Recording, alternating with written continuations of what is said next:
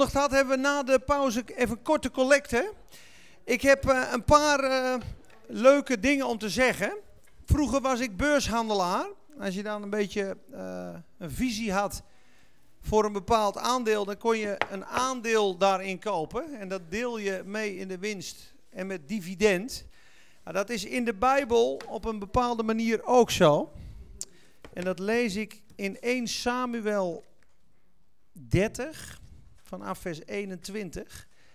Kijk, jullie, sommigen van jullie zullen de gaven van God herkennen op mijn leven. De anderen zullen denken van, nou, het is een leuke jongen, maar uh, ik heb daar wat minder mee. Maar het, het is zo.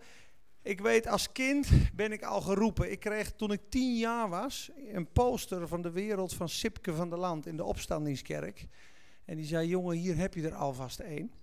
En ik stond vroeger bij het kerstfeest, stond, dus stak ik een kaars aan. Grote kaars, ik steek u aan, want het licht is opgegaan. Laat iedereen het oren, de Messias is geboren. En toen wist ik al, dat betekent iets. En mijn hele leven is natuurlijk linksom, rechtsom, alle kanten opgegaan.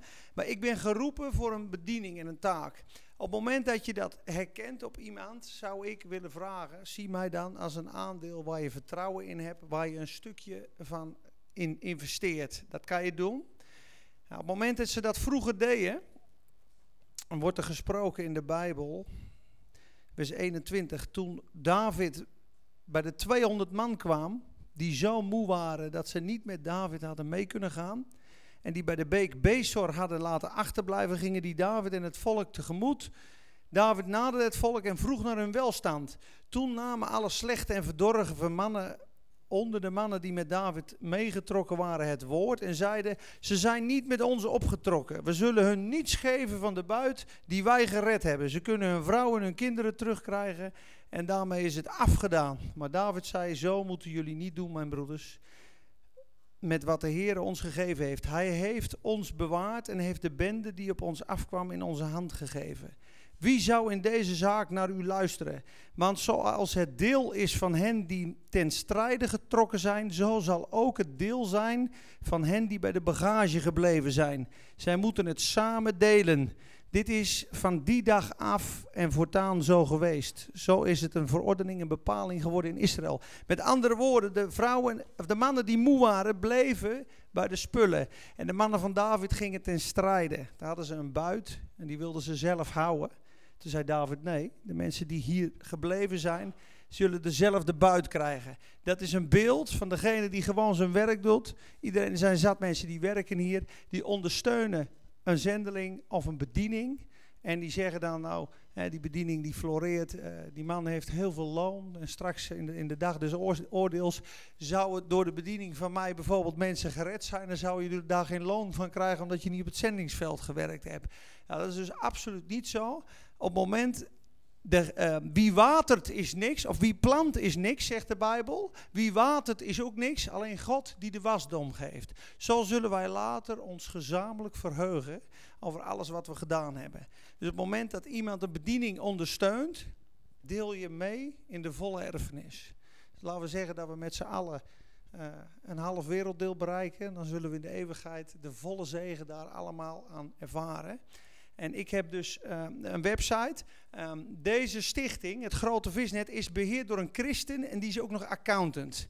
En dat is heel mooi. En die man heeft een grote visnet opgericht om bedieningen te ondersteunen. En daar helpt de staat mee. Dus het zijn evangelisten, dat zijn uh, goede doelen, dat zijn, uh, uh, nou ja, net als Open Doors, die, die is ook aanbie, hij is ook aanbie. Stel je voor, uh, je hebt een zaak en je zegt ik wil vanuit de zaak uh, 70 euro per maand geven. Uh, nou, dat is dan 12 keer 70. Dan zit je op 840 euro per jaar. Nou, waarschijnlijk heb je een ondergrens van 500. Dan heb je over die 340 krijg je de helft terug. En de staat van Nederland zegt gewoon, luister, dat is een algemeen nut beoogde instelling. Dat ondersteunen we. Nou, en dat, dat is mijn verlangen. Uh, als een soort lift-off. Uh, uh, dat iedereen die hier zit, als je de gave uh, herkent op, op mij, dat je ons gezin en de bediening vrij zou willen zetten. Of je daar wil over nadenken. We houden dus, dat doen we op drie manieren. Je kan dus maandelijk sponsoren. Je kan de collecte die straks langskomt, daar kan je wat ingooien. en voor de rest ja, laten we het gewoon daarbij. En Ramona en ik willen op een gegeven moment fulltime in de bediening. Johan die daar zit, die heeft een studio met drie HD-camera's. Die staat vijf dagen per week leeg. Daar willen we lessen gaan opnemen. We willen een app gaan bouwen. We willen een website uh, helemaal klaarmaken. En we willen eigenlijk dat het onderwijs op een app komt. Dat iemand in de trein kan zitten. 20 minuten teaching met beeld. Uh, met een mooie pilot erdoor. Uh, met vragen. Vragen over tongentaal. Vragen over de onderwerpen als van vanavond. En op een gegeven moment, um, 5 oktober, mag ik weer een crusade doen in Pakistan. Dat is online. Daar heb ik al duizend euro van gehad van een gezin. Zomaar uit de lucht uh, komen vallen. Heel normaal gezin, dan denk je, die, die gaan 50 euro geven. En die, nee, we gaan 1000 euro doen. Ik, ik zeg, nou ja, waarom, waarom zoveel? Nee, we, we, investeren liever in geestelijke stenen dan in gewone stenen. En we hebben wat over en dat willen we schenken. Nou, dat soort dingen, dat, dat wil ik fulltime doen. morgen ga ik naar de markt, vrijdag en zaterdag ook. Ik vind het hartstikke leuk, maar ik doe liever dit. Dus ik wil, dat wil ik graag bij jullie neerleggen. Oké, dus nu gaat deze langs voor de mensen die nog niet uh, een contributie betaald hebben, of je dat zou willen doen. En anders kan je dat gewoon overmaken. Heb je nou niks bij je? Ik heb hier kaartjes. Um, en ik heb anders, kan je gewoon naar de website sddb.nl, samen door de Bijbel.nl. Klik je op het linkje samen door de Bijbel en dan krijg je deze site, kan je alles rustig nakijken. Goed, dat is dat. Mag ik de PowerPoint weer? Dankjewel. Alle ziektes, alle kwalen, alle duivelen. De impact, de twaalf apostelen gaan heen. Ik wil nog een zegen vragen voor het tweede gedeelte. En ik uh, kreeg net ook feedback dat er wat vragen zijn. Die wil ik gewoon beantwoorden. Ik had ook nog een filmpje van 10 minuten. Gaan we denk ik niet redden. Het is best veel. Ik denk dat we volgende keer deel 2 hiervan gaan doen, omdat ik wil, wel dingen wil behandelen, maar daar niet aan toe kom. Vader, we danken u voor een zegen voor het tweede gedeelte, Heer. Dank u dat we tot elkaar mogen komen, Heer. Dat we, Heer, eh, zoals Paulus zo mooi zegt, zijn geweten openbaar maakt, Heer, in de tegenwoordigheid van God. Voor de toehoorders. Heer, niet in arglistigheid, nog het woord van God vervalsende. Heer, maar openbaar worden. Heer, wij willen openbaar worden voor uw aangezicht in alle dingen. Heer, transparant. Heer, soms zijn er heel veel dingen moeilijk in het woord. Heer, maar u bent degene die ons leidt in de volle waarheid. Zoals de Bijbel zegt, de Heilige Geest. Deze zal u leiden in de volle waarheid. En zo willen we u uitnodigen, Heilige Geest, om ons in de volle waarheid te leiden. In de dingen, Heer, van het Koninkrijk en de dingen van het vrijzetten van de werken en de bediening van Jezus. Dank u voor de vragen die gesteld worden. Dank u voor de antwoorden die er zijn. En dank u voor een zegen op dit tweede gedeelte, Heer. Wij prijzen uw grote naam. Amen. Amen. Eén ding wil ik zeggen, sowieso. Um, laten we zeggen, er staan 49 teksten in de Bijbel dat je gerechtvaardigd wordt door het geloof. En er staan er twee in, één in Jacobus en één in Romeinen. Die zeggen, zo worden we dan, zo worden dan niet uh, we gerechtvaardigd al uit ons geloof alleen, maar ook uit de werken. En Romeinen zegt niet de hoorders van de wet zijn rechtvaardig voor God, maar de daders der wet. Nou, dan zou je met die twee teksten een hele discussie kunnen houden over de rechtvaardigheid met het geloof. Zo is het met genezing ook. Hè. Vorige week hebben we de doren van Paulus gehad. Uh, straks gaan we kijken, er is ook nog uh, natuurlijk Trofimus die achtergelaten wordt op Malta. Uh, je hebt ook Bethsaida. Ja, Bethsaida, Jezus doet alleen wat hij ziet de Vader doen. Dus je moet nagaan, Jezus zit de dag ervoor te bidden. God toont hem die man bij Bethsaida. Ja, en de barmhartigheid van God reikt uit naar die man. Johannes 5. Bethsaida betekent vijf poorten. Er staat, er is een water, een badplaats bij Bethsaida. En ineens in de zoveel tijd begon dat water te bewegen. En kwam een engel des Heren in dat water. En wie er ook kwam en wat hij ook had. Als hij in dat water kwam, was hij gezond. Wie die ook was, wat hij ook had. Dat is dus een hele preek over. Whosoever can get whatsoever. Ja? Wie ook bent, er is genezing, wat je ook hebt. Dat water van Bethsaida, ja, is natuurlijk overtroefd door de Heer Jezus zelf. De Heer Jezus is het continu bewegende water van Bethsaida. Die man ligt daar al 38 jaar. Jezus uit barmhartigheid gaat naar hem toe. Vraagt hem, wat wilt u dat ik u doen zal? Dan zegt die man, uh, ik wil graag genezen, maar ik kan niet in het water, want ik heb niemand die mij daar naartoe brengt. Ja, Jezus zegt, sta op en wandel. En hij geneest hem. Nou is de vraag natuurlijk, waarom geneest Jezus alleen die ene en gaat hij niet naar die andere? Nou, mijn antwoord daarop is, omdat Jezus, één, doet wat de Vader hem zegt op dat moment. En twee, er wordt geen aanspraak gemaakt op Jezus. Bij Bartimaeus loopt Jezus voorbij en Bartimaeus schreeuwt en roept om Jezus. En hij heeft nog nooit iemand afgewezen die hem aanroept. Ja? De uitleg van één iemand heb ik gehoord over Bethsaida is... Mijn uitleg is omdat er staat, hij kijkt vol, iedereen keek naar het water. Ze zijn allemaal gefocust op het water. En ze hebben iemand bij zich die zich erin draait. Ze zijn zo gefocust op het water van Bethsaida dat ze Jezus niet zien.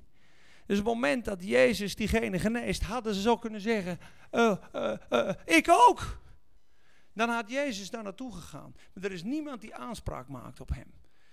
Dus je ziet ook bijvoorbeeld bij Marcus 6, zie je zoveel als hem aanraakten, werden volkomen gezond. Dus daar raken ze Jezus aan. Lucas 5, vers 17, heb ik vorige keer ook gezegd. De kracht des Heren was al daar om te genezen. Dan is de kracht daar, dan geneest iedereen. En er is een tijd, dan gaat Jezus naar een menigte toe. Alle zieken komen tot hem en hij geneest ze allemaal. En er is een tijd, dat is de vraag natuurlijk vorige week, die man bij de schone poort. Waarom heeft Jezus die man niet genezen? Want Jezus is daar vele malen langs geweest en die heeft hem laten zitten totdat Petrus hem opwekte. Nou, dat soort vragen, mijn antwoord is daarop, er wordt geen aanspraak gemaakt op de kracht van Jezus. Jezus automatisch geneest niet zo. Hij geneest uit geloof. Hij zegt ook vaak, er geschieden uit, naar uw geloof. De bloedvloeiende vrouw heeft Jezus aangeraakt. En hij voelde kracht uit zich schieten. Dus dat is mijn antwoord daarop. Niemand is afgewezen door Jezus als hij tot hem kwam, maar Jezus dringt genezing niet op. Daarom vraagt hij ook, wat wilt u dat ik u doen zal? Heren, dat ik ziende worden en geschieden naar uw geloof. Dus dat is mijn antwoord. Was er nog een vraag? Dit was een vraag trouwens, ik, herhaal het even voor de band. Waarom genas Jezus er maar één bij Bethsaida en niet allemaal? Terwijl de Bijbel heel veel zegt uh, en hij genas allen. Is er nog een vraag?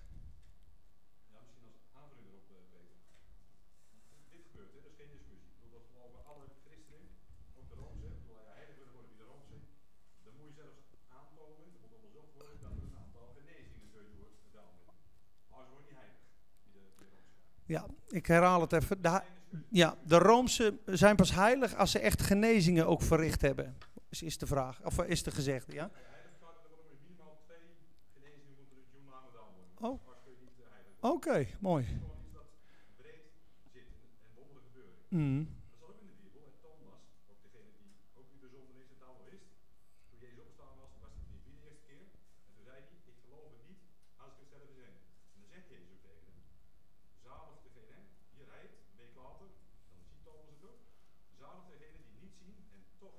Ja.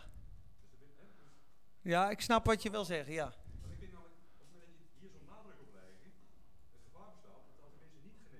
Hmm. geloven ze dat niet goed? Nee. Nee. Ik pak even de naaldbron, dat is een enorme reden voor de burgers. Ja. Nog geen genezing. Ja. En het gevaar bestaat van, jongens, dat zit fout. Ja. Dat vind ik... Ja. Ja, nou laten we daar gelijk maar, laten we daar gelijk maar naartoe gaan. Doen we Lucas 9, vers 1. De vraag herhaal ik. De vraag is: uh, Thomas geloofde niet dat Jezus opgestaan was. Zei: Tenzij ik mijn handen in de wonden steek en uh, zie uh, de gat in zijn handen en de, en de gat in zijn zij, dan zal ik nogthans niet geloven. Toen geloofde hij. Toen zei Jezus: Zalig zij uh, die niet zien en toch geloven, is het niet zo dat we alleen maar de nadruk leggen op uh, de wonderen en als ze niet gebeuren, dat je dan minder geloof zou hebben of het ligt aan degene eh, waarvoor gebeden wordt, zoals bij de genadebron voor eh, Beukers gebeden is en hij is nogthans nog niet genezen, eh, is dat, eh, heb je dan te weinig geloof? Nou, ik leg het dus nooit bij degene neer die gebed krijgt. En dat zie je hier ook. Jezus bestraft zijn discipelen. Maar let eens op op vers 1. Hè. We hebben net gelezen, hij riep zijn twaalf discipelen bij zich en gaf hen kracht en macht om alle demonen en zieken te genezen. Dus ze hebben de macht om alle demonen te genezen. 35 versen verder, ja, hoofdstuk 9, eh, vers 37 begin ik, sorry. 37 versen verder. En het gebeurde de volgende dag toen zij van de berg afdaalden dat een grote menigte hem tegemoet kwam. En zie een man uit de menigte riep, meester ik bid u, kijk toch naar mijn zoon, want hij is mijn enig kind. En zie een geest grijpt hem en meteen schreeuwt hij en hij doet hem zo stuip trekken dat hij schuim op zijn mond krijgt. Hij gaat nauwelijks bij hem vandaan en mishandelt hem. En ik heb uw discipelen gevraagd hem uit te drijven, maar zij konden het niet. Terwijl dat begin van het hoofdstuk zegt, zij hebben de macht over alle demonen.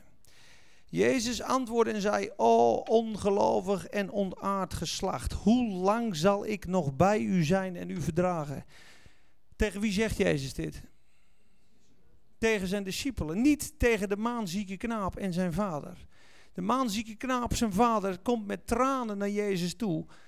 Help u mijn ongeloof. Heer, ik wil zo graag. Breng hem hier. Jezus werpt hem uit. Zijn discipelen vragen een vraag. En in deze vraag zit gigantisch veel antwoord.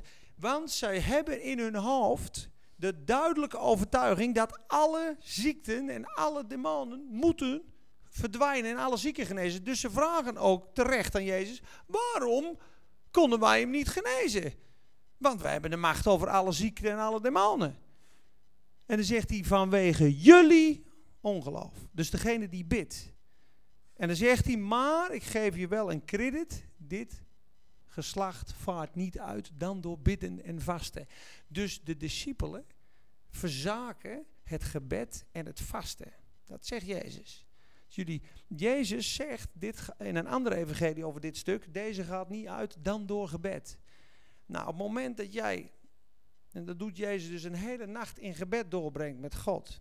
Ja, is de geesteskracht die je bij je draagt vele malen groter dan dat je een schietgebedje bidt. Ja? Mensen, ik, ik heb een, eh, een filmpje van TB Joshua, die zit zes tot zeven uur in gebed in Nigeria. En dan gaat hij pas bidden voor zieken. Ja, er genezen 4000 mensen elke zaterdag. Ik heb een filmpje, die man heeft twee gebroken benen. Die kan in een ziekenhuis niet geopereerd worden. Zijn benen moeten eraf. Ik heb hem een paar maanden wel eens laten zien. Die komt uit een busongeluk en na anderhalve minuut loopt die man. Met twee gebroken benen. Ja, dan sta je echt met je oren te klapperen. Maar die man zegt, het is niet in het schreeuwen wat jullie doen. Het is niet in het roepen. Het is in het gebed. Ik vraag aan God, met welke persoon mag ik bidden? Waar wilt u uw kracht in laten stromen? En dan loop ik voorbij en op het moment dat ik langs iemand loop en ik voel gewoon dat God zegt, die is het. Dan weet ik al dat de Heer die wil aanraken. Dan bid ik weer. Hoe wilt u dat ik bid?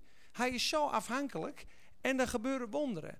Dus Jezus vermaant de discipelen, jullie hebben hier ongeloof. Dus ik zeg zelf van mijn eigen, ik zit in klas 2 van de discipelschool. En klas 8 is je diploma. Daar zit die man in Nigeria, zit in klas 8. Dus wij kunnen niet God de schuld geven, want Jezus doet het, God doet het. We kunnen ook niet degene in de rolstoel de schuld geven. We moeten bij onszelf te raden gaan. Want Jezus in mij krijgt dus niet die, die ruimte om die persoon aan te raken. Dat is mijn persoonlijke overtuiging.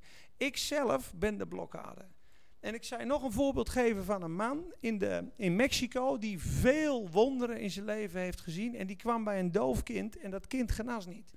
En dat kind was twee jaar en hij bad en hij bad en hij bad. En en het kind bleef doof. En hij zei, ik zie zoveel wonderen. Waarom geneest dat kind niet?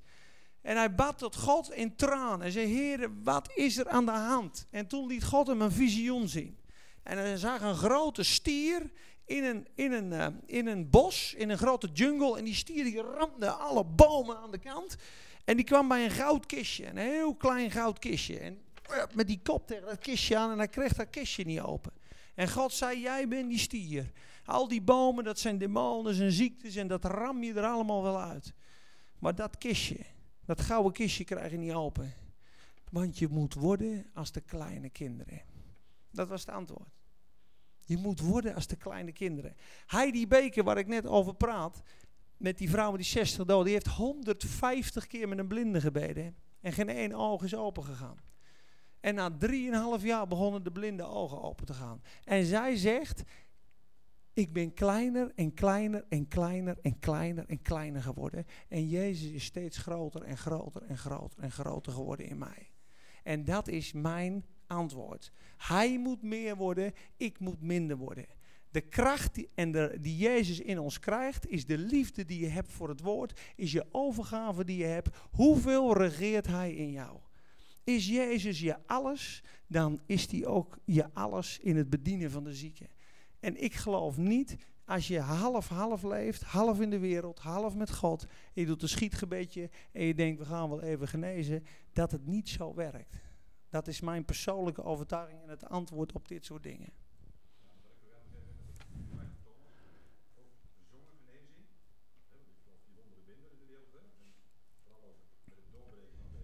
Hmm. Tuurlijk. Tuurlijk. Tuurlijk. Maar dat, dat is helemaal niet de vraag hoor bij mij. Nee, nee, nee, dat, is, dat zijn twee totaal andere dingen. Want het geloof in Jezus Christus en de liefde, want Corrie ten Boom was daar ook anders in. Corrie ten Boom bad bijvoorbeeld voor een zakdoek in een, uh, in een concentratiekamp. Terwijl anderen zeggen, ja, die sturen toch gewoon die bacillen weg. Zij dankte voor vlooien. En ze heeft gigantisch veel dingen gedaan. En ze had, um, ik heb een heel mooi, trouwens voor jou wel een mooi interview. Catherine Kuhlman, dat is dus de meest zweverige, charismatische, genezingsbedienende vrouw in 1975 met een witte jurk en vier dagen bidden en iedereen uit rolstoelen. En die heeft dus een interview met Corrie ten Boom. En ze heeft een programma I Believe in Miracles. En Corrie ten Boom komt naar die show. En dan zie je dus een boerin uit Haarlem vertellen over het concentratiekamp en vergeving. En dan zo'n hele zweverige vrouw erbij. En dan denk je, ja, dit, is de, dit zijn de twee uitersten. Maar ze is wel gegaan. En ze hebben wel vrede en ze hebben wel gemeenschap. En zij vertelt dus ook over de wonderen in het concentratiekamp. Uit het interview ziet Catherine Koeman en Corrie ten Boom. Dan denk je, ja, dit is schitterend. Zij is heel nuchter, zij is heel zweverig, ze vinden elkaar met Jezus. Zij dankt voor een, eh, voor een zakdoek en zij stuurt de ziektes weg. Dus en het gaat absoluut om Jezus en wonderen en tekenen. Daarom ben ik ook begonnen de eerste keer met de heerlijkheid van de Zoon, het karakter, omdat dat veel belangrijker is. je ziet ook bij Matthäus 7, we hebben wonderen gedaan, we hebben tekenen gedaan, we hebben duivelen gedaan, maar ik heb u nooit gekend. Ze rusten op hun gaven. Gaven, wonderen en tekenen zijn bijproducten van het zoonschap met Jezus Christus en het zoonschap en de karakter. Jezus zal straks niet zeggen, Peter, hoeveel zieken heb je genezen? Nee, hoe ging je met je broeder om? Hoeveel nederigheid. Waarom begint hij de bergreden? Zalig, armen in geest. Zalig die treuren. Zalig de zachtmoedigen. Zalig de vredestichters. Zalig die hongeren en dorsten naar rechtvaardigheid. Zalig de pure in hart. Zalig die vervolgd worden. Dat is de top 9 bij Jezus. Die vruchten zoekt hij. En vanuit die vruchten komen de gaven. Maar ik wil je dus mooi laten zien. Dit is een hele mooie koppeling. De impact van wonderen. Want die heb ik erbij gezet. Het waarom en de impact van wonderen en tekenen. Moet je eens kijken wat een wonder in na-in in Lucas 7 teweeg brengt. Qua evangelisatie en redding van mensen.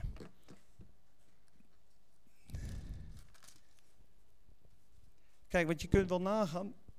Als Jezus' bediening zonder wonderen en zonder tekenen en zonder demonuitdrijving was durf ik te beweren dat de bediening van Jezus niet zo effectief geweest was. Want die man in de Gadara had dan nog steeds dat legioen demonen gehad. Dus die tien steden hadden nooit bereikt geworden.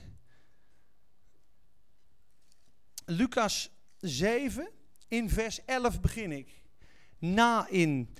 En het gaat hier, uh, Raymond, zo mooi uh, voor, uh, voor jou. Omdat het vrij nieuw is. Dit, even een inleiding. Dit is een weduwe. En uh, die verliest ook nog haar laatste zoon. Dus die heeft helemaal niks. En het gebeurde op de volgende dag dat hij naar een stad ging die Nain heette. En veel van zijn discipelen en een grote menigte gingen met hem mee. Toen hij nu de poort van de stad naderde, zie daar, er werd een dode uitgedragen. Het was de enige zoon van zijn moeder en zij was weduwe. En een grote menigte uit de stad was bij haar. Dus je moet nagaan, veel van zijn discipelen volgen hem. Een grote menigte ging met hem mee. En de hele, bijna het hele dorp is uitgerukt. Dus ze staan daar, duizenden mensen. Jezus ziet haar en innerlijk wordt hij met ontferming over haar bewogen. En hij zegt tegen haar, huil maar niet. Hij gaat naar de baar toe, raakt die aan. De dragers nu stonden stil. En hij zei, jongeman, ik zeg u sta op. Moet je eens even indenken, als je nu een begrafenistoet ziet lopen, eh, over de rondweg. Ja, je ziet daar een weduwe, helemaal in tranen. Haar man is overleden en haar zoon is gestorven. Welke mafkees, even plat gezegd, zou dat durven? Even stoppen. Ja, even stoppen. Wat denk je als het fout gaat? Wat denk je wat er door je hoofd gaat? Moet, je nog meer, moet je nog meer verdriet op die weduwe leggen?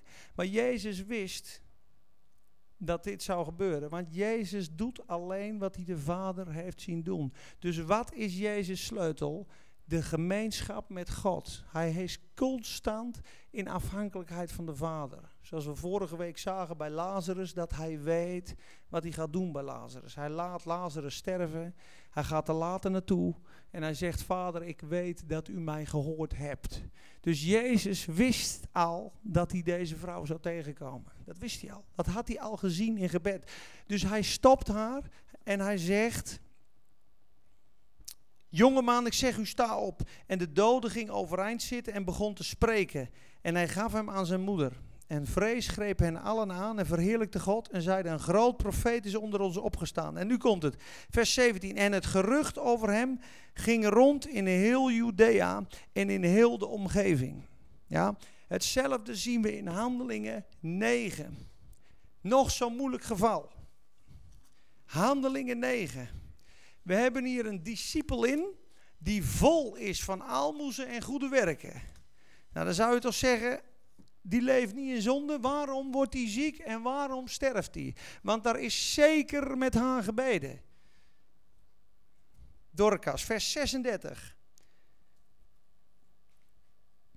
En er was in Joppe een zekere discipel in, van wie de naam Tabitha was, wat vertaald Dorcas betekende. Deze was overvloedig in goede werken en in liefdesgaven die zij schonk. En het gebeurde in die dagen dat zij ziek werd en stierf. Dus dat kan. Je kan een discipel zijn, vol goede werken, vol liefde. Je kan ziek worden. En er is met haar gebeden. En ze is niet beter geworden. En ze stierf. En toch gaat het plan van God verder. Want we hadden nu kunnen zeggen, we hadden allemaal, wij hadden vandaag de dag dit gezegd. Laten we heel eerlijk wezen met z'n allen. We hadden gezegd, het is een geweldige lieve vrouw. Ze heeft aalmoezen gegeven, ze heeft goede werken gedaan. Ze is heerlijk bij God. En dan moeten we hem gewoon zo laten. Dan moeten we niet meer aan tornen. Klaar. Hadden wij dat gedaan of niet? Hadden we een goede begrafenis geregeld, mooie steen. Dorcas goed bezig. En toch doen die gelovigen dat niet. Wat is er in dat hart van die discipelen in Joppe? Want wat doen ze? Omdat Lida vlak bij Joppe lag, stuurden de discipelen, toen zij hoorden dat Petrus daar was, twee mannen naar hem toe, die smeekten dat hij zonder uitstel naar hem toe zou komen. Ze geloven dus in hun hart, het stopt niet bij de dood. Er is een apostel, die heet Petrus, ja, die kennen wij, die uh, iedereen geneest in zijn schaduw. Die hebben we in Handelingen 5, hebben hem langs zien lopen. Er lagen 4000 zieken op straat, kankers, uh, afgerukte armen, benen, melaatse, alles lag er. Hij loopt langs en alles en iedereen geneest. Wonderlijk, er lagen waarschijnlijk ook doden bij. Dus dat is als een lopend vuurtje gegaan. Dus ze, ze, hebben geen begrafenis voor Dorcas. Ze halen Petrus uit Joppe. En Petrus komt. En Petrus stond op en ging met hem mee. En toen hij daar gekomen was, brachten zij hem in de bovenzaal. En alle weduwen stonden bij hem terwijl zij huilde en de onder- en bovenkleding toonde die Dorcas gemaakt had toen zij nog bij hem was. En wat doet Petrus? Precies hetzelfde als de Heer Jezus bij het dochtertje van Jairus. Ze huilde, hij zegt ze slaapt, ze lachten hem uit, hij stuurt ze weg. Maar Petrus stuurde allen naar buiten, knielde neer en bad. Moest kijken wat hij doet. Hij knielt neer en hij bidt. Dit is een sleutel door de hele Bijbel heen. Eerst knielen, dan bidden, Gods aangezicht zoeken. Dan keert hij zich tot het lichaam, legt zijn handen op, wordt gezond. Lees maar zijn handelingen 28 bij Publius, bij die vader. Nadat Paulus gebeden had, ging hij naar binnen, legde zijn handen op hem en maakte hem gezond. Wij hadden gelijk naar binnen gelopen. Word gezond. En het had niet gebeurd. Paulus bidt eerst. Petrus knielt eerst. Heren, geef mij genade. Geef mij het geloof om Dorcas op te wekken. U heeft mij niet voor niets uit Joppe gehaald. Ik ben hier van Gods wegen. Hier stopt het niet. Kijk eens wat Gods plan was. Moest lezen. Hij knielde bij haar neer en bad. En hij keerde zich naar het lichaam en zei: Tabitha, sta op. En zij deed haar ogen open. En zodra zij Petrus zag, ging zij recht overeind zitten. En hij gaf haar de hand, hielp haar opstaan. Hij riep de heilige en de weduwe en plaatste haar levend voor hen. Kijk eens, en dit werd bekend in heel Joppe en velen geloofden in de Heer. Wat was het plan van God? Dat was het plan van God. Velen geloofden in de Heer. Als die Dorcas niet had laten sterven, had Petrus niet gekomen, had dit niet geweest. En ze stond bekend vanwege haar aalmoezen en goede werken. En de bovenkleren en de onderkleren hielden ze vast die zij maakte voor de armen. Dus de hele omgeving kende haar. God weet dat. Hij staat toe dat ze ziek wordt. Er is geen gebedsverhoring, maar God stopt niet bij de dood. En Petrus wordt gehaald. Dus de discipelen hebben geloof. We hadden gehuild. We hadden gezegd, bel maar een begrafenis ondernemen. En hun gaan door. Dat is handelingen. Dit is de Bijbel. Petrus is een man zoals jij en ik. Petrus, deze Petrus, die hier een dode opwekt, is zo bang als een wezel in Galaten. Dat is gewoon een aantal jaar later. Dan huigelt hij. Dan komen ze aan van, van, van Jacobus en gaat hij aan een andere tafel zitten. Want hij is bang. Die, dat is gewoon zijn menselijkheid. Dat is gewoon een persoon. Hij heeft heus nog wel fouten gemaakt in zijn leven. Maar hij is met Jezus geweest. En de kracht van God is op hem. En zij brengt Dorcas terug. En de hele omgeving wist, Jezus leeft, Jezus is groter dan de dood. En er zijn er velen tot geloof gekomen. Dus dat is voor mij de reden dat ik wonderen en tekenen prachtig vind. Want er komen mensen van tot geloof. Het vernietigt het koninkrijk van de Satan. En uh, bijvoorbeeld handel, uh, Galaten 3 in de gemeente gebeurt het ook. Galaten 3 vers 5. Hij dan die krachten onder u werkt en zijn geest aan u verleent. Doet hij dit door de werken der wet of door de prediking des geloofs? Als je een goede dominee hebt met prediking des geloofs, gebeuren er wonderen en tekenen in de zaal. Mensen worden bevrijd, mensen worden genezen, mensen worden bemoedigd, mensen worden geïnspireerd. Amen. Nou, dit is een stuk en daar gaan we mee, uh, mee afsluiten. Dit is een hele goede vraag. Hè? Dat was Jezus en nu wij. Hoe kom je daarbij? Oma zei ook altijd: Als Jezus nog op aarde was, dan was dat zo. Maar Jezus is niet meer op aarde. En dat is heel logisch. Maar wij als gelovigen zijn de handen en de voeten en het lichaam van Christus. Jezus, toen hij opgestaan was, heeft zijn geest gegeven op de twaalf apostelen. Die twaalf, daar is er één van afgevallen, dat was Judas. Dan is er sowieso één bijgekomen, Matthias. Handelingen 1 vers 21. Wij zoeken nu een getuige die van de ingang van Jezus tot het begin van de doop van Johannes de Doper en de hele tijd dat Jezus bij ons geweest is, met ons is geweest, die een getuigenis van zijn opstanding. Dus die moest 3,5 tot 4 jaar met Jezus gewandeld hebben, die mocht erbij. Dat is één extra. Dan hebben we een discipel, Stefanus.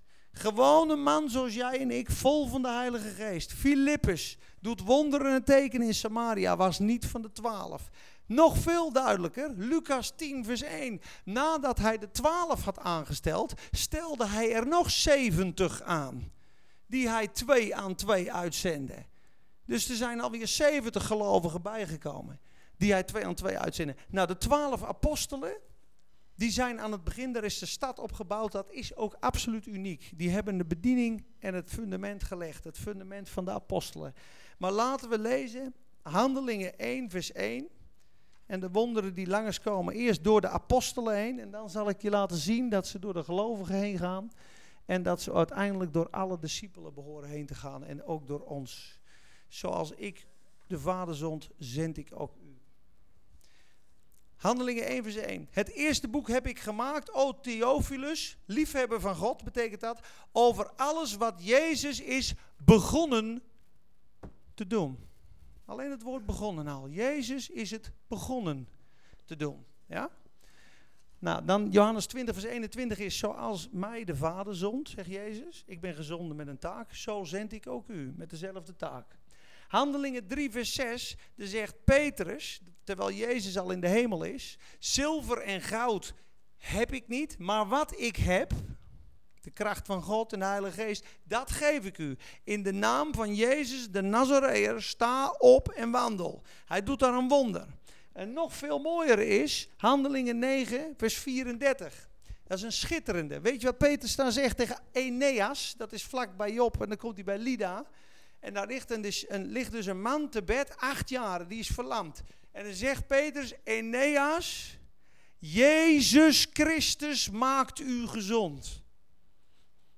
Dus Jezus Christus maakt u gezond. En hij wordt gezond.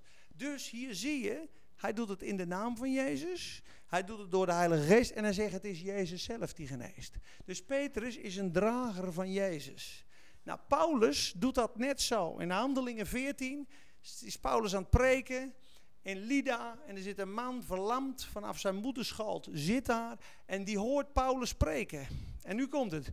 Paulus ziet in zijn ogen dat hij geloof heeft om gezond te worden. Dus Paulus spreekt.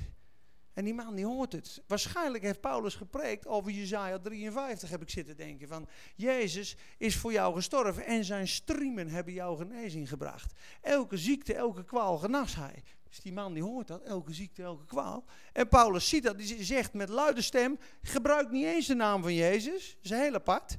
Sta op uw voeten. Dat is wat Paulus zegt, lees me na. En de man staat. Dan gaat het door, het wordt drukker met de bediening van Paulus. In Handelingen 19 zijn de gordeldoeken en de zweetdoeken van Paulus' lichaam, waar de kracht van God in zit, die worden uitgedeeld op de zieken.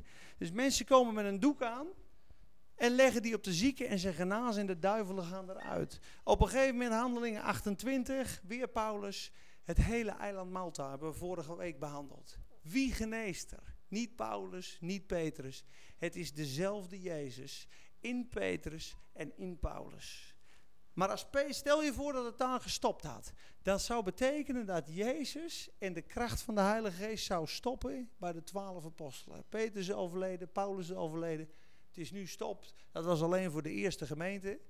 En nu is het, ja, het is nu gewoon geloven. Hè? En uh, ja, tranendal.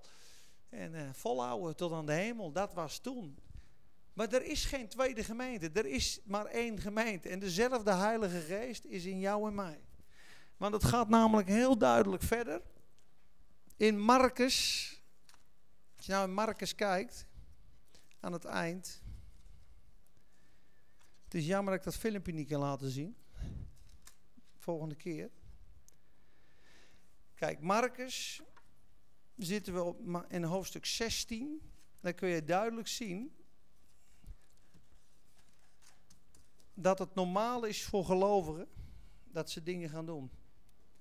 Kijk, ik begin in vers 14. Later is hij geopenbaard aan de elf, terwijl zij aanlagen. En hij verweet hun hun ongeloof en hardheid van hart, omdat zij hem niet geloofd hadden, die hem gezien hadden nadat hij was opgewekt. Dus Maria kwam bij het graf, Jezus was opgewekt. Ze renden naar de discipelen toe en ze zei, ik heb Jezus gezien. En ze zei, je bent gek. Dat ze geloofden haar niet. En Jezus verwijt hun hier hun hardheid en hun ongeloof aan de elf discipelen. Die continu die wonderen gezien hebben. Die continu Jezus in actie gezien hebben. Die gehoord hebben dat hij zei, ik, ik zal opgewekt worden ten derde dagen. Maar in ieder geval, hij komt bij ze en hij geeft hun een opdracht. Ga heen in heel de wereld, preek het evangelie aan alle schepselen. Wie geloofd zal hebben, dat gaat over de mensen die ze gaan bereiken. En gedoopt zal zijn, zal zalig worden. Maar wie niet geloofd zal hebben, zal verdoemd worden. En hen die geloofd zullen hebben, zullen deze tekenen volgen. In mijn naam zullen zij demonen uitdrijven. In vreemde talen zullen zij spreken. En aan het vers daarna op zieken zullen zij de handen leggen en zij zullen gezond worden. De Heer dan is nadat hij dit gesproken heeft tot hen opgenomen in de hemel en heeft zich gezegd aan de rechterhand van God. Zij gingen overal heen om te prediken en de Heer werkte mee en bevestigde het woord door de tekenen die daarop volgden. Dus preek jij nu het woord, dan geeft God zijn tekenen daarop. Handelingen 14, vers 3. De Heere gaf dat wonderen en tekenen geschieden door de handen der apostelen. En hij gaf getuigenis aan het woord van zijn genade. In Handelingen 4 bidden ze ervoor. Handelingen 4, vers 29 is een gebedssamenkomst. Ze zeggen, Heer, strek uw hand uit tot genezing en geef dat wonderen en tekenen door de handen van uw apostelen mogen geschieden tot eer en glorie van uw naam. En Gods geest komt in het gebouw en het hele gebouw staat te schudden. En zij gingen heen en spraken het woord met vrijmoedigheid. Waarom? Ze waren net gegezeld. Ze waren net bedreigd. Nog één keer in die naam spreken en je kop gaat eraf. En aan het eind van hoofdstuk 5 zijn ze kapot gegezeld. En weet je, er staat, ze zijn verblijd dat ze waardig geacht waren smaadheid te lijden voor zijn naam. En ze gaan door. En Stefanus gaat door. En het getal van de discipelen vermenigvuldig sterkt. En Stefanus heeft een gelaat als een engel. En hij wordt gesteinigd. En in handelingen 8 staat Samaria staat op zijn kop. Handelingen 9 Paulus van zijn paard. Cornelius. Open visioenen. Handelingen 11 de heidenen vervuld. Handelingen 12, 13, 14. Het gaat maar door. Lees boek Handelingen. Handelingen is een bijbelse opwekking. Wat gebeurt er als de Heilige Geest uitgestort wordt op gelovigen? Dat is handelingen. Niet handelingen der apostelen, handelingen der Heilige Geest zou het hoofdstuk van de, zou het de titel moeten zijn. En hij is nooit veranderd. Jezus verandert niet, de Heilige Geest verandert niet. De vijand zit er nog steeds. En je moet nagaan, als ik nu naar Afrika ga en er zit daar een voodoo-dokter die een heel dorp in zijn, in zijn uh, bedwang heeft, net als Simon de tovenaar. En ze zien hem als een god. En als je maar iets verkeerd van hem zegt, slaat hij je met een vloek. En ik kom daar alleen met het evangelie, ja, dan mis ik de plank. Want ik zal daar moeten komen in de naam van Jezus. En die man strak aan moeten kijken. En de naam des Heren bind ik de macht die op jou zit. En dan zal die krijsend op de, lucht, op de grond vallen. En zal het hele dorp gered worden. Als ik in Pakistan die crusade heb. Weet je wat, waardoor ze veranderen daar? Ze zijn allemaal moslim. Ze hebben allemaal een Koran. Ze geloven allemaal in Jezus de profeet. Hoe vaak heb je met een moslim gepraat over Jezus dat je er niet uitkomt? Ze hebben nu het slachtfeest. Weet je dat in de Koran staat? Abraham en Ismaël gingen op de berg. Ik zei Abraham, Ismaël, Abraham en Isaac. Nee, Ismaël. En er was een ram in de struiken. En daarom hebben wij slachtfeest. Ik zei, maar vind niet een beetje raar? Een vader en een zoon. Abraham weet ik, Abraham is Abba. Ha, bar, bar is zoon en Ham is geest. Vader, zoon, geest. Ik zei, gaat met iemand de berg op, zijn zoon, die offert hij. Hij wil hem laten voelen hoe het voelt. Op de berg Moria. En daar wordt Jezus gekruisigd, jaren later. Gaat het je niet iets dagen dat het met een offer en een vader en een zoon te maken heeft? Jij aanbidt Jezus? Ik zei natuurlijk, ah, dat is de ergste zonde. Die wordt niet vergeven in de moslimwereld. Dat is een skrit. Een skrit of een skit, zei hij. Als je iemand aanbidt naast Allah, is een onvergeeflijke zonde. Is voor ons hetzelfde als een zonde tegen de Heilige Geest. Ik zei, ligt het zo ver uit elkaar? Het ligt ontzettend ver uit elkaar. Ik kan een boodschap over Jezus spreken in Pakistan en ze halen hun schouders op. Weet je wanneer er wat gebeurt?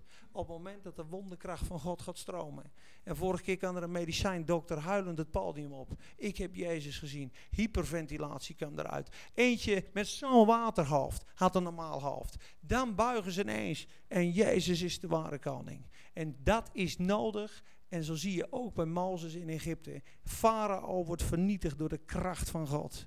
En sommige bolwerken gaan alleen kapot door de wonderkracht van God. En eh, met liefde, barmhartigheid, het geloof doen we 55 tot 60 procent. Maar de 40 procent moeilijk bereikbare plaatsen, dat moet met kracht. Echt waar. Amen.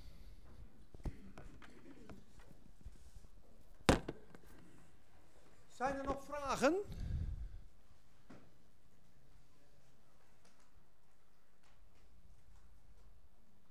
Zullen we allemaal een zegen over onze buurman uitspreken?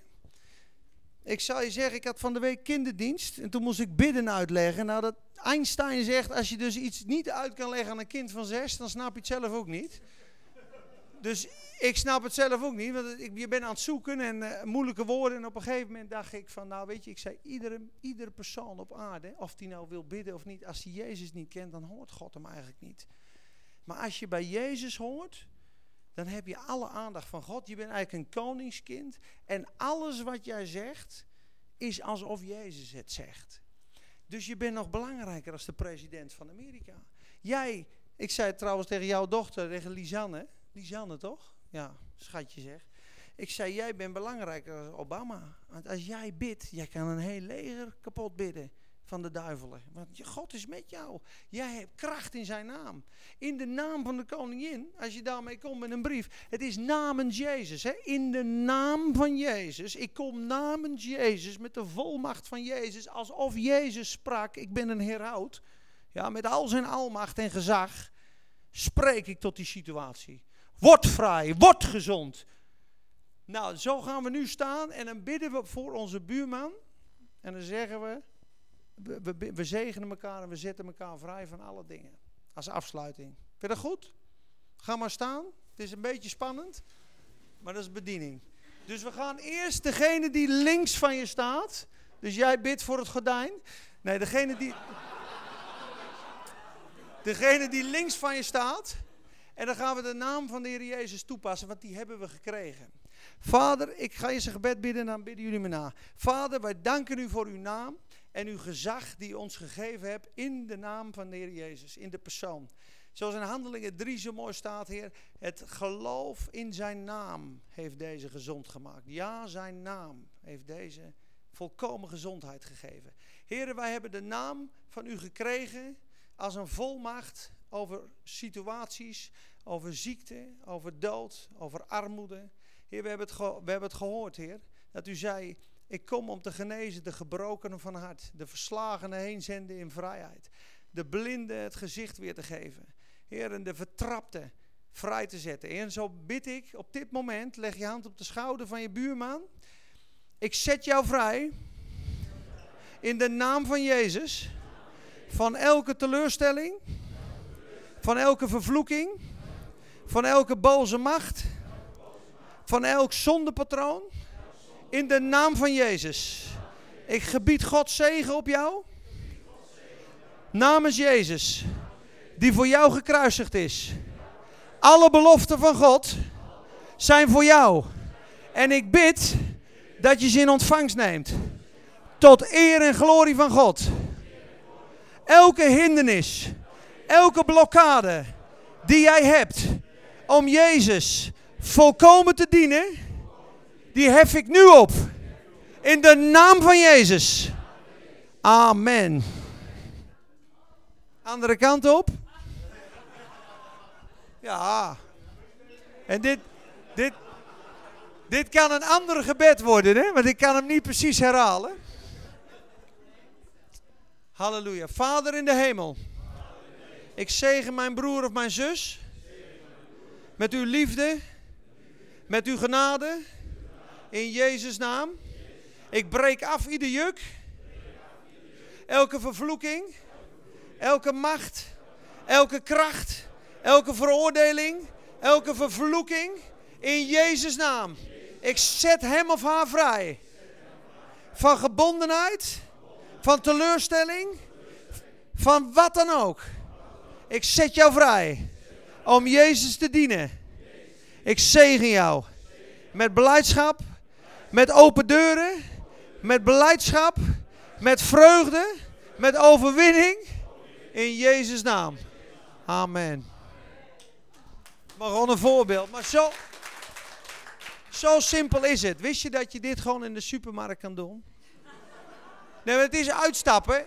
Het is heel moeilijk. Maar stel je voor, je ziet iemand bij de supermarkt en die zie je staan die denkt, die is een beetje depressief, maar je vindt de, de, de, de weg ernaartoe is te moeilijk. Je zit eigenlijk in level drie keer niet. Nee, dat, dat, dat kan niet. Ik kan niet eens een gesprek beginnen. Dan moet je bidden van binnen, zeggen, Heer, wilt u zorgen dat ik met haar kan bidden of met praten of dat ik aan, aan de praat raak? En anders, als het niet gebeurt, gebeurt het niet. Prima. Maar dan kan het zo zijn dat ze wat laat vallen uit het karretje. Alsjeblieft, mevrouw. Ja, ik was eigenlijk net van binnen uh, aan het denken om met u te bidden. Ik noem maar wat. Het kan al te veel zijn dit. Hè? We zijn, ik, ik zat te denken aan u en uh, ik, uh, ja, ik geloof in de Heer Jezus en mag ik voor u bidden. Het zou zo kunnen.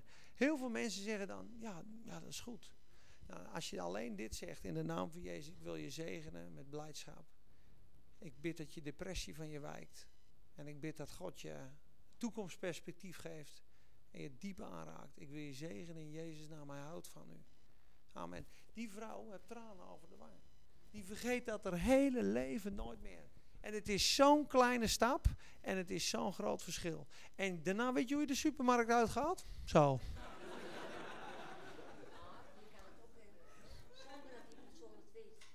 Tuurlijk, maar gewoon hardop uitspreken zet meer in bewerking. En dan kom je thuis en zeg je glorie aan God. Amen. Fijne thuiskomst. Slaap lekker.